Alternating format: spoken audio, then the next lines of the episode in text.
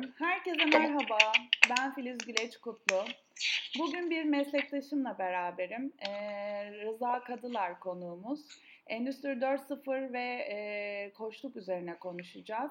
Rıza Kadılar e, insan kaynakları alanında, koçluk alanında, mentorluk alanında herkesin tanıdığı biri olabilir ama İzmir'de biraz gençlere yönelik de çalışmalar yapıyoruz. İstanbul'da daha çok tanınıyor böyle şeyler ama e, İzmir'de de duyurmak ve podcastlerle tüm Türkiye'ye dolaşmak için Rıza öncelikle kendini tanıtmanı rica ediyorum. Ya çok teşekkür ediyorum. Aslında enteresan bir şey söyleyeceğim. Bu benim hayatımdaki ilk podcast. Aa süper. ben aslında bir bankacıyım. Bunu müşterilerim ve annemin dışında kimse pek bilmiyor. Sosyal medyada bana baktığınızda bununla ilgili en ufak bir bilgi yok. Ama uluslararası bir yatırım bankasının Türkiye temsilcisiyim. Aslında yatırım finansmanı vesaire o tür şeylerle uğraşıyorum. Fakat 98 yılından beri de bu kişisel dönüşüm, gelişim, liderlik bu konularla ilgilendim.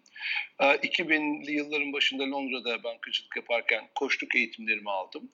2000'lerin ortasında doğru Türkiye'ye döndüğümden beri de işte bu konuda ve bununla ilgili değişik konularda çalışmalara devam ediyorum. Şu an e, bir görevim var. Bu koçluk ve mentorluğu dünyada kendi kendine regüle eden iki tane büyük kurum var. Biri Amerikalı, biri Avrupalı. Ha. Bu Avrupalı olan kurumun European Mentoring and Coaching Council ha. dünya başkanıyım. Ha. Üç yıllık bir görev, yarısını tamamladım. O da bana ayrıca bir vizyon um, katmayı sağlıyor. İlgili bir şey daha ekleyebilirim. O da um, Boğaziçi Üniversitesi'nde her dönem bir ders veriyorum. Bu son dersimin odağını dijital dönüşüm dönemlerinde bu yaşadığımız çağda liderlik nasıl etkileniyor, liderlikte nelere ihtiyacımız var gibi konulara e, ayırdım. E, bir de en son şey oldu, bunlarla ben ilgilenince Peryon e, beni şey seçtim, e, HR Tech yani insan kaynaklarında dijitalleşme süreçlerinde temsilci seçtiler. Orada daha yolun başındayım. Daha performans yok. Daha yeni oldu. E, daha detaylı bilgi LinkedIn'de. Yani arkadaşlar gidip LinkedIn'den Rıza Kadılar diye bakarlarsa oradan daha detaylı bilgi bulacaklardır. Bizim aslında tanışma hikayemiz de var. Ben Rıza Kadılar diye insan kaynakları alanında ve koşuk alanında biraz kitaplarından, yayınlarından takip ediyordum ama İstanbul'da bir yönetici ve lider koçluğu eğitiminde tanıştık yüz yüze ve benim hayatımda aldığım en güzel eğitimlerden bir tanesiydi diyebilirim. Çok katılımcılar da çok alanında uzman ve deneyimliydi ve yöneticilik alanında, liderlere koçluk yapmak alanında e, bana çok şey katmıştı. Çok keyifli bir eğitimdi.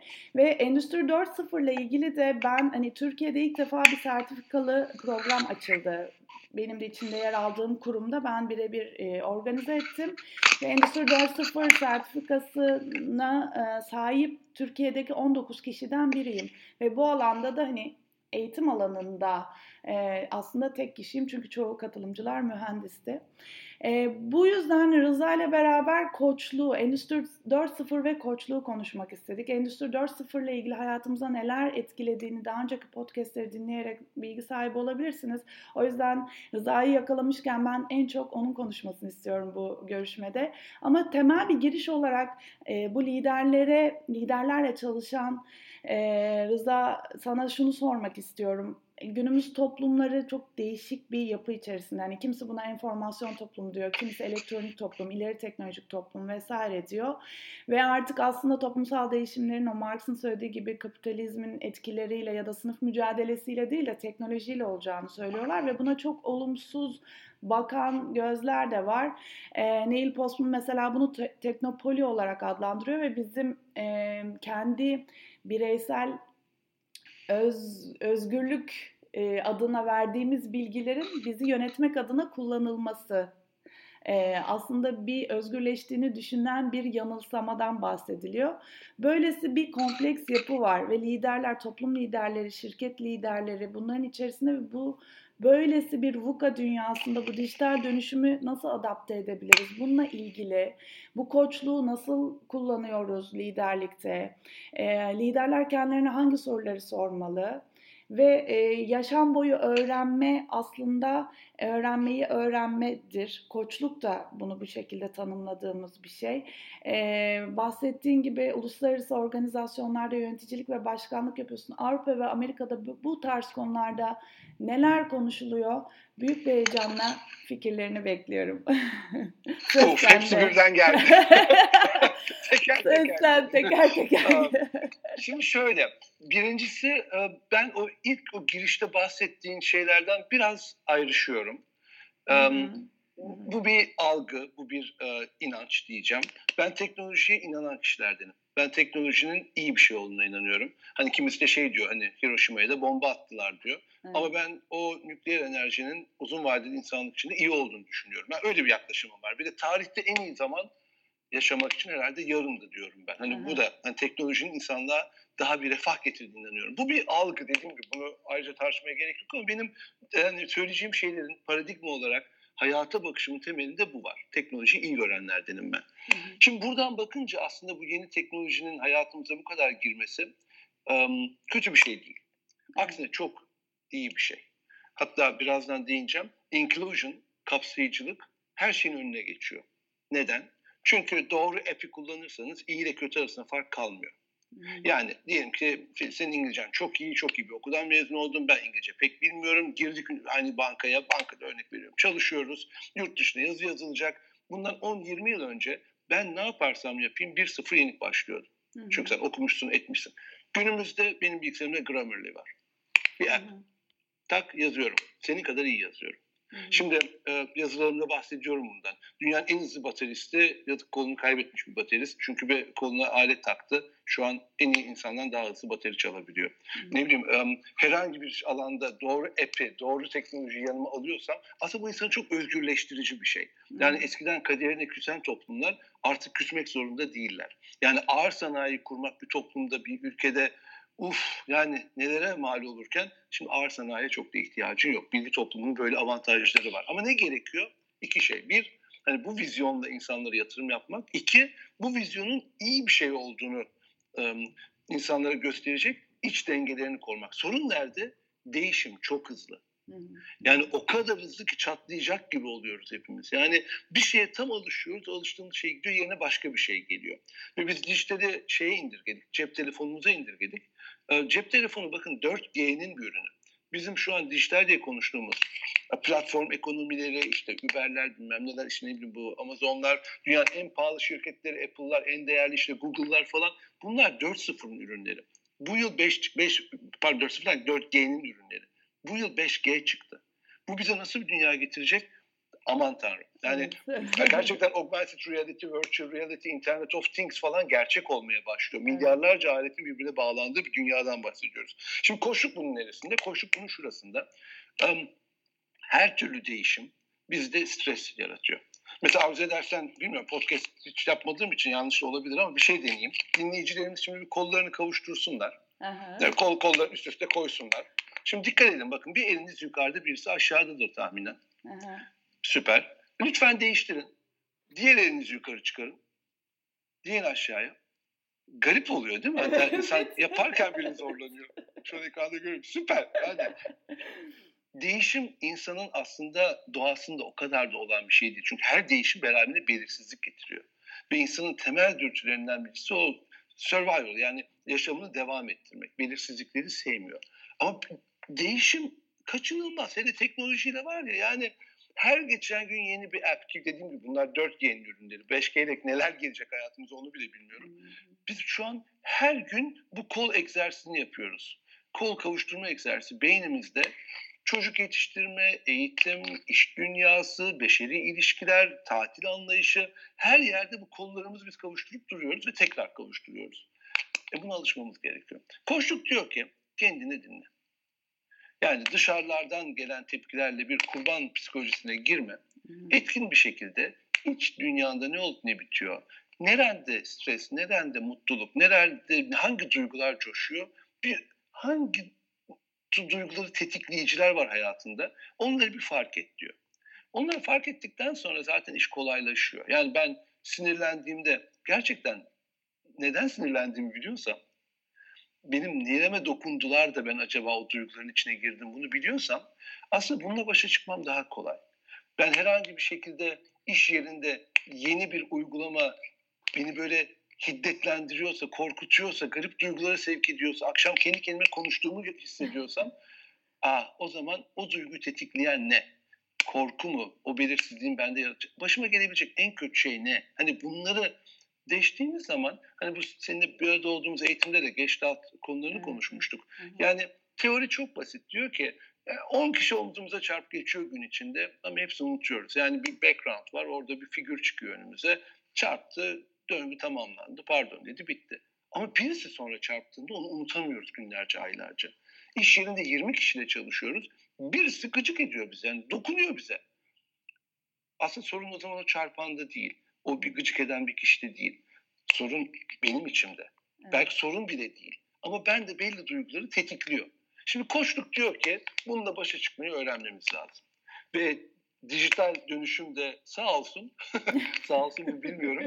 Bir olsun, taraftan olsun. çok dediğim gibi özgürleştirici, harika bir şey teknoloji. Ama onu içselleştirip hani kendini kontrol etmeyi başarabilirsen. Onun için koçluk teknolojik değişimin her yerinde diyebilirim. Aslında bu koçluk az önce bahsettiğim bu teknolojiye ulaşma, e, hangi application'ların kendisini ilerlemesini sağlayacak diye bunları keşfedebilme ve araştırabilme becerisini de arttıran bir şey. Doğru mu? Yani e, kendini fark ediyor, bir değişim var, bir dönüşüm var, beni rahatsız eden bir durum var ve bununla baş etmeliyim. Bununla nasıl baş etmeliyim? Böyle böyle baş edebilirim diye. Koçluğun sonucunda da bu yollar kişi kendisinin bulmasını sağlıyor, değil mi? Ya tabii aynı cümleyi tersten kurayım.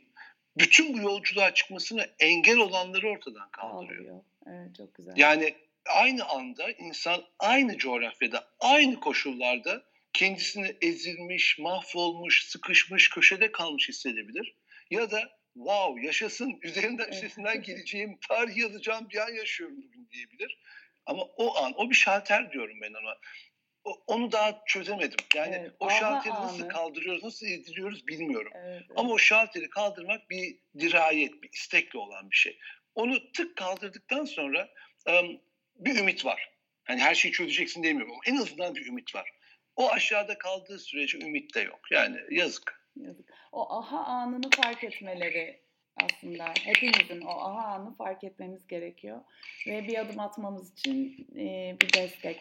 Peki e, liderlerle çalışırken en çok hangi e, konularda o engellerini fark ettin? Böyle bir genelleme yapabilir misiniz ha? Ya şimdi benim çalıştık çalışım arkadaşlardaki şimdi iş hayatıyla ilgili madem genç arkadaşlarımız bizi dinliyor evet. bir tespitimi ortaya koyayım. İş hayatında bir tane kritik an var. O kritik anda ne zaman ki bir kişinin yöneticisi olduğunuz o an. Hmm. O ana kadar iş hayatıyla ondan sonraki iş hayatı iki ayrı hikaye. Birincisinde bireysiniz, başaracaksınız. Ne kadar hızlı koşarsan, ne kadar iyi işte Excel sheet, ne kadar iyi satış yaparsan falan yani performansın da varsın. Hmm. Sana tık bir kişi bağladıkları anda ha CEO olmuşsun, ha yönetim kurulu başkanı olmuşsun, ha genel müdür olmuşsun. Ha, hiç fark etmiyor. Hepsi aynı spektrumda. Çünkü arada kalıyorsun o zaman. Çünkü sen yapmayacaksın, yaptıracaksın. Ve başkalarının başarısı ve başarısızlığıyla mutlu olmayı veya hayata yolculuğa devam etmeyi öğreneceksin. Her zaman rapor verdiğin birileri var. Yani accountable olduğun, yani um, en üst düzeyde kim varsa, bak eskiye dönelim, orta çağda krallar bile Tanrı'ya hesap verdiklerini düşünürlermiş. Evet. Yani hep aradasın, hep senden büyük bir şey var. CEO olduğun anda, ki ben CEO olduğumda bunu çok iyi hissetmiştim of bütün yönetim kurulunu yönetmem gerekiyor. Yönetim kuruluna görev aldığım şirketler oldu. Sermayedarlarla başa çıkmam lazım. Hep, hep birileri var. Yani zannediyoruz ki piramidin en üstü var. Yok öyle bir şey. Evet. O zaman koçluğun devreye girdiği ve şey yöneticilerle çalıştığımız şeyi sormuştum. Hı hı. O dönüşümü iyi yapan arkadaşlar iş hayatından zevk alıyorlar ve başarılı oluyorlar. O dönüşümde zorlananlar bazen zorlana zorlana CEO oluyorlar, genel müdür oluyorlar. Ama o zorluğu yaşamaya ve maalesef yaşatmaya devam ediyorlar. Neler var bunun için? Mesela delege etmek, hı hı. kontrol. Bunlar psikolojik şeyler. İş hayatıyla ilgili şeyler değil. Yani yani düşünün ne bileyim kız arkadaşınız, işte boyfriendiniz vesaire onun nelerine izin veriyorsun, neleri delege ediyorsun, neleri etmiyorsun. Nerelerde sen de burnunu sokuyorsun onun kararların içine. Çocuğu olanlar daha iyi beni anlayacaklar. Çocuğa verdiğin özgürlük. E iş hayatına gidelim. Senin her şeyine karışan bir müdürün var. Bu psikolojik bir güvensizlikten geliyor aslında. Yani o kontrol bize şey gibi kontrol ettikçe varım. Bu örnek şu suda yüzen balık suyun varlığını hissetmezmiş. Ama ben yüzerken çok hissediyorum. Ben böyle ne kadar zorlanıyorsam o kadar iyi bir şey yaptığımı zannediyorum. Oysa Tao felsefesinde şöyle deniyor. Sen bir yapraksın, nehirde akıp gidiyorsun. Nehir seni götürüyor. O yaprak nehire karşı mücadele vermiyor. Şimdi anlatabiliyor muyum? Bu delegasyonun gittiği yer çok derin psikolojik yerlere gidiyor ve iş hayatında kontrol, delegasyon bütün bunlar e, çok karşımıza çıkıyor. Çünkü bunlar beraberinde hayatı kendilerini zehir etmelerine neden oluyor, çevrelerindekileri zehir etmeye neden oluyor. Ve bir de şöyle bir gerçek var. Zaten her şeyi onlar yapacak değilse o şirkete gerek yok ki. Niye o kadar insan işe alıyorlar ki? Hani bunlar birbirine gelince e, mesela şimdi aklıma geldi. En çok karşıma çıkan bu kontrol, delegasyon bu konular her seviyede işte bu beraberinde şey de getiriyor. Ekip kurmak nasıl bir ekip kuracaksın, o ekibi nasıl motive edeceksin. Ama önce senin izin vermen lazım ki insanlar gelişsin, büyüsün. Bir şey daha ekleyeyim. Bu yöneticilikte iki tane kavram var aslında liderlikte de. Bir koruyacaksın ekibini. Bir de onları alan yaratacaksın ki büyüsünler. Korumak dediğin işte kurallar. Yılda kaç gün izne gidebilir, saat kaçta işe gelecek, ne bileyim raporun işte puntosuna ele yazılacak. Bu kurallar insanları koruyor esasında. Durup dururken dün saat 10'da neredeydin? Ama saat akşam 10'da zaten işte değiliz ki niye bana kızıyorsun? Yani koruma şeyler bunlar. Hı hı. Bir de alan yaratmak var. Yani bazen çocuklarımızın, eşlerimizin, kendimizin, çalışanlarımızın düşmesine izin vermemiz gerekiyor. Hata yapmasına izin vermemiz gerekiyor ki hatalarla büyüyor. Ecel falan konuşuluyor. Siz belki buradan dili alıyorsunuzdur, dinliyorsunuzdur. Ecel olması için insanın ilk önce şey olması lazım. Hata yapma özgürlüğü olması lazım. Hatalardan öğrenme özgürlüğü lazım. Yani bütün bunlarda o bahsettiğim yöneticideki um, hayata bakışla çeliştiği zaman işte tam da bu, bu noktada aslında bu bir anda olacak bir şey değil. Bu bir yaşam boyu öğrenmenin içerisine girmiyor mu? Gençlere de bunu aktarmaya çalışıyoruz. Yani yapıp ettiğiniz her şey hayatınızdaki her an sizin farklı bir yetkinliğe kavuşmanızı sağlayacak. Bu bir anda olan bir şey değil. Bu özellikleri kazanabilmek için çok fazla deneyim sahibi olmak gerekiyor. Özgürce istediğiniz her deneyimi yaşamanız gerekiyor. Bu gönüllü çalışmalarda bulunmak, farklı projelerde bulunmak, girişimcilik fikirlerini hayata geçirmek için farklı e, kaynaklar bulmaya çalışmak ve çabalamak bulamasa bile ulaşamasa bile o çaba esnasında gösterdiği performans karşılaştığı insanlar bunların hepsi bu yetkinliklerin geliştirilmesinde çok önemli bir etken ve yönetici olduğunda o ana hazır olmasını sağlayan şeyler değil mi? Yani günümüzde neyi bildiğin değil neyi becerdiğin çok önemli ve geleceğin yetkinliklerinden konuşuyoruz. Hani sosyal zeka diyoruz, kültürler arası çalışabilme, öğrenebilme gibi. Bunlar bir anda olan şeyler değil değil mi? Bu senin de bahsettiğin yönetici olduğunda bunlarla baş etmesi lazım ama daha önce baş edip bunları deneyimlemiş olması gerekmiyor mu? Bravo. Buradaki kritik konu şu, deneyim lafı. Biz deneyim deyince şey zannediyoruz, CV evet üretmek, büyütmek, CV'ye bir liste daha eklemek değil. Aslında deneyim bir duygu. O başa çıktığın ve çıkamadığın duyguları, sınırlarını keşfetmek. Zorladığın sınır aslında işte ne bileyim dakikada 100 kelime yazıyorum daktiloda şimdi 110 kelime yazdım yaşasın ye o geçti bitti. hani doğru app'i al konuş yazmana gerek evet. ne yazıyorsun ki hani who cares yani 110 biz vardı ortaokulda daktilo dertimiz vardı ne acı çekmiştim. Hala çok işime yarıyor çünkü hala klavye kullanıyorum. Evet. Ama bunlar geçti yani e, en hızlı ben koşacağım. E, yani şimdi geçenlerde bir eğitim veriyordum Türkiye'nin en iyi okullarındaki en iyi derken TEOK'la vesaire en yüksek puan alan okullar mi? Hani kimseye şey yapmayayım. Hı hı. Ve çocuklara bunu söyledim. Arkadaşlar mutlusunuz değil mi? Hani siz herkesten daha iyisiniz. Nanik. Doğru yapılan sizden daha iyi olacak. Böyle bum suratlarını görmeliydin yani. Şimdi deneyim yaşamalarına katılıyorum. Deneyim yaşamak çok önemli. Bu design mindset hani konuştuğumuz şey. Hı hı. Deneyim yaşamak için de gidip de o şirkette çalışman gerekmiyor. Şöyle bir şey var arkadaşlar. Um, size yaptığınız iş için para vermiyor kimse. Öyle bir an geliyor ki hele yönetici olduğunuzda. Günlük iş herkes yapar. İlkokul 5. sınıftaki bilgim inanın bütün kariyer boyunca yaptığım her şey yeterdi. Matematiği de yeter, sosyal bilgisi de yeter, hepsi yeter. E ben ne yaptım ondan sonra yıllarca? ben o deneyim, duyguları biriktirdim. Çünkü öyle bir an oluyor ki. Günümüzde daha çok bir maille cep telefonuna geliyor veya bir telefon geliyor veya gazetede bir şey okuyorsun. Öyle bir an oluyor ki kriz. Evet. Kriz dediğim normalin dışına çıkılan bir an ve bu kriz çok küçük şeyler olabilir. Yani günlük hayatında veya gerçekten bir toplumu etkileyen bir şey olabilir. Ama kriz, o krizin tanımı şu. Sen normalinde değilsin artık. Evet. Nefes alman değişiyor. Hatta nefes almayı unutuyorsun. İşte o anla nasıl başa çıkacağını öğrenmek önemli. O nefes almayı unuttuğunu fark etmek önemli. Koçluk burada işe yarıyor. Kesinlikle. Ve diyorsun ki wow ben nefes almayı şimdi kestim. Evet. Fark etmezsen başa çıkamazsın ki. Nefese ihtiyacım var. Oksijen gidecek. Yani o mindfulness vesaire konuştuğumuz şeyler böyle wishy washy işte bu Amerikalılar paketleri tekrar bize yolladı falan. Doğru. Ama temelinde de şöyle bir gerçek var. Bunlarla başa çıkmayacaksak, egzersiz yapmayacaksak, antrenmanlı olmayacaksak işte o anda bir telefonla, bir e-maille orada vereceğin yanlış, fevri bir cevap bütün kariyerini mahvedebilir. Çok nankör. Evet, çok evet. nankör. Yani arkadaşları korkmak istemiyorum ama yani girişimciler için de böyle. 10 tane müşterim vardır. Birisine yanlış bir laf edersin. Tak sosyal medyadasın. Evet. Bütün markan yok olup gidiyor. Çok nankör, çok zor. Bir de şimdi şeye bakıyorum ben. Deep fake diye bir şey var. Bir de senin hakkında yalan dolan haberleri artificial intelligence üretmeye başladı falan. Yani, yani aslında kafayı takarsan çok kötü. Kafayı takmamanın yolu işte koçluk, mentorluk, bu yollarda konuşacağım birisini bulmak, kendi duygularınla başa çıkmayı öğrenebilmek. Bir de hani kendine hata yapıp öğrenme lüksünü tanıyabilmek. tanıyabilmek. Deneyim yaşasınlar. Aynen. Aslında koçluk şimdi ve şu anda gerçekleşen bir şey ama geçmişte değil, gelecekte hazır bulunmuşluk halimizi zihnimizde canlandırmak demek. Yani bu anlamda kendini bir anda yakacak tepkiyi vermeden önce ne yapacağını kendi içinde kontrol edebiliyor olmak demek. Bu anlamda gerçekten e, koçluğun bende hem yöneticilerde hem kariyeriyle ilgili çalışan herkese çok işe yaradığını ve öyle bir durumla karşı karşıya kaldığında ne yapacağını çok iyi bilen bir kişi görüyorum. Kendi hayatımda da böyle oldu çoğunlukla. Ee, çok teşekkür ederim. Ee, bir de son olarak yani e, bu konularla ilgili ekleyeceğin yoksa katıldığın bütün konferanslarda e, neler konuşuluyor? Biraz öyle bir özet geçebilir miyiz? Bu Endüstri 4.0 ya da dijitalleşen dünyada bizi neler bekliyorla ilgili?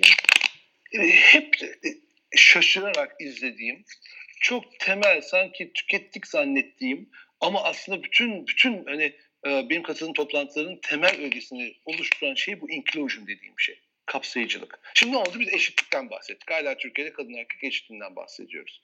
O arkasına equity kavramı geldi. Daha equity biz tam hani şey yapamadık. Yani herkes eşit değildir. Herkese eşit imkan tanımak lazım falan filan. Şimdi oradan diversity'ye geçtik. Diversity bir action. Rakamlara bakıyorsun. Bizim efendim diversity tanımımız ne? Kadın erkek bizce %10 kadın olmalı. %10 dedi işte engelli olmalı falan filan. Tamam. Peki bütün bunları niye yapıyoruz? Bütün bunları inclusion için yapıyoruz. Nedir inclusion? Herkesin kendine ait hissettiği, konforlu hissettiği, güvende hissettiği, dinlendiğini, görüldüğünü ve varlığının bir faydalı olduğunu hissettiği bir yerde olmaya hakkı var. Şimdi bu hümanistik bir şey değil. Ben bunu ilk LinkedIn'in Global HR Head'inden dinledim ve çok şaşırdım. Um, bu böyle wishy işte ne derler insanlık iyi olsun, daha iyi bir dünyada yaşayalım, herkesi dinle değil. Bizi zorlayan, iş, iş dünyasını bunu yapmaya zorlayan iki tane trend var. Birisi teknoloji. Şimdi bu teknolojiyle artık iyi, kötü bilmem ne kalmıyor. Herkes kendini hissettiği yerde biraz önce verdiğim örnek hani çok basitleştiriyorum ama herkes her şey yapabilir noktalarına gelmeye başlıyor. Bunu hem employee experience yani çalışan deneyimi Hı-hı. hem de customer experience olarak düşün. Şimdi biz iyiyi kötüden ayırma refleksiyle bir dünya kurduk. Değil mi? Maymunlar evet. zıplıyorlar, atlıyorlar, düşüyor. Ama bitti artık. Kimse düşmüyor. Herkese kanat takıyoruz. O zaman herkese kendini iyi hissettirmemiz gerekiyor. Bu bir. Buna hakkı var insanların. Ve bunu yapmazsan müşterin seni bir anda yok edebiliyor. Bir anda çalışanların işte ipi çekebiliyor. Yani bir şekilde müşterini, çalışanını, shareholder'ını, bütün paydaşlarını yanında tutmak için kapsayıcılık duygusunu herkese yaymak zorundasın. O şirketin hisse senedini alıyorsam o şirketle ilgili iyi bir, bir şey yaşıyorum. Bir duygu var tamam mı? İkincisi Asya. Asya'nın yükselişi. Biz nedense şöyle bütün batı dillerinde fiil çekimi nasıldır? Ben gidiyorum, sen gidiyorsun, o gidiyor. benle başlıyor. Niye benle başlıyor? Bilmiyorum böyle başlamış. Çince'de öyle ben kavramı yok. Fiil çekimi yok. Şimdi e, dikkat ederseniz bu Marvel'in filmlerinde falan artık hmm. Süpermen yok. Eskiden tek kahraman kötüyü denerdi, film biterdi. Şimdi kahramanlar çeterde dolaşıyorlar. Harry Potter bile yalnız değil. Şimdi bunların altında şu an milyar dolar ciro yapan bütün filmler Çin'de tutarsa milyar dolardan fazla ciro yapıyor. Yani um, oyunun kuralı hem kültürel hem de teknolojik boyutta kapsayıcılığı gerektiriyor. Ve bu bize çok uzak bir kavram. Biz trafikte bile giderken yandaki arkadaştan hızlı gideceğim refleksiyle yaşarız değil mi? Yol vermeyeceğim. Bu benim hakkım falan. Şimdi inclusion şey diyor. Buyurun lütfen siz geçin demek. Yani inclusion benden çok farklı olan insanlarla barışık olmak demek. Yani Türkiye'de bir anket yapılmıştı. Komşunuzun hatta global bir anket. Komşunuzun ne kadar size benzemesini istersiniz? Türkiye en yukarıda çıkmıştı. um, inclusion demek senden çok farklı komşularla yaşamak demek. Um, yani o bahsettin sen biraz önce yani farklı kültürlerle yaşamak. Kültür derken kastettiğim evet. ben Afrikalıyla çalışacağım değil. E, sen benden farklısın, ben senden farklıyım. Barışık evet. olabilmemiz, en yakınım komşumla barışık olabilmek, onun farklılığını kabul etmek. Bu böyle katlanarak geliyor. Yani Türkiye'de hala biliyorum işte biz hala evet. işte ilk adımlardayız işte eşitlik hakları falan. Ama hızla gelmemiz gereken çünkü teknoloji ve yeni kültürel devinim bunu gerektiriyor. Kapsayıcılık. Yani çok şeyler anlatıp karıştırmak istemem kafayı ama ne olur herkes biraz bu inclusion, kapsayıcılık konusunda okusun, düşünsün ve kendi kendine koçluk yapsın. Yani birisi ile beraber olmak istemediğinde onda neyi görüyordu onunla beraber olmak istemiyor. Bir kişiyle çalışmak istemiyorsa orada ne var gerçekten onu o kötü duyguları tetikleyen onu bir sorsun kendisine bir keşfetsin. Orada çok büyük bir hazine yatıyor. O direnci kırmak aslında değil mi bahsettiğin şey? Neye direniyorum ben?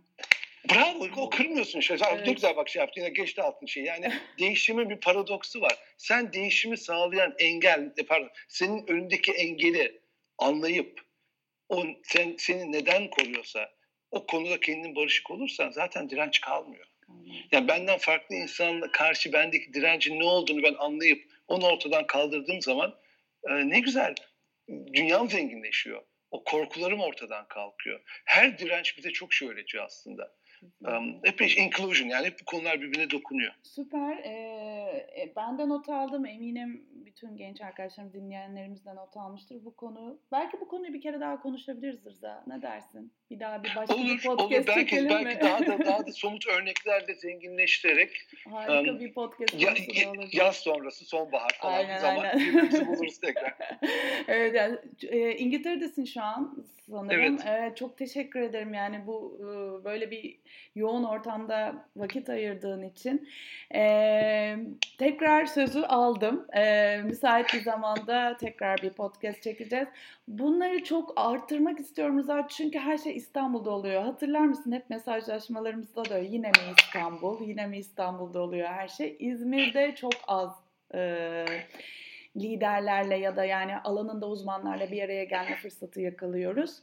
Ee, İzmirli'nin de belki biraz rahatlığı da olabilir. Hani biraz burada gezeyim tozayım e, kültürü biraz daha fazla ama ben bunu İzmir'e getirmeye çalışıyorum. 2015 yılında Erhan Erkut'u İzmir'e getirmek de oydu. Yani İstanbul'da olan şeylerin biraz İzmir'de olmasını istiyoruz. O yüzden bu podcastleri de çekiyorum ki insanların daha ulaşılabilir. Yani yolda yürürken, gençler otobüste ilerlerken ya da çalışanlar serviste giderken kulağına takıp okuyamıyorsa bile atıyorum kitap okurken midesi bulanıyorsa en azından dinleyebilsin. Bu podcast çok anlamlı. O yüzden bunları arttırmak istiyorum ve iş liderleriyle, alanın uzmanlarla daha fazla e, bu podcastleri gerçekleştirmek istiyorum.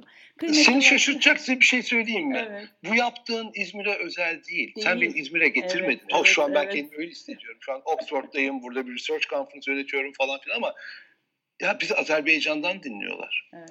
Bu podcast eminim Sivas'tan, Denizli'den, ne bileyim Diyarbakır'dan veya ne bileyim Almanya'da yaşayan Türk arkadaşlarımız, evet. Avrupa, Uzak Doğu. Ya geçenlerde bir benim bir e, sohbetin videosunu koymuştum. Avustralya'dan bir Türk arkadaştan yorum geldi. Oh, Teknolojinin evet. güzelliği bu. Evet, ya, evet. Şu an biz seninle evrene bir, bir, bir şey yolladık. Bakalım nereden ne çıkacak karşımıza. Ve o kanala bağlanan herkese fayda olsun diyorum o zaman. Aynen Çok teşekkür ederim Rıza. Görüşmek üzere. Kendinize Hoşça kal. Çok teşekkürler. Bye bye.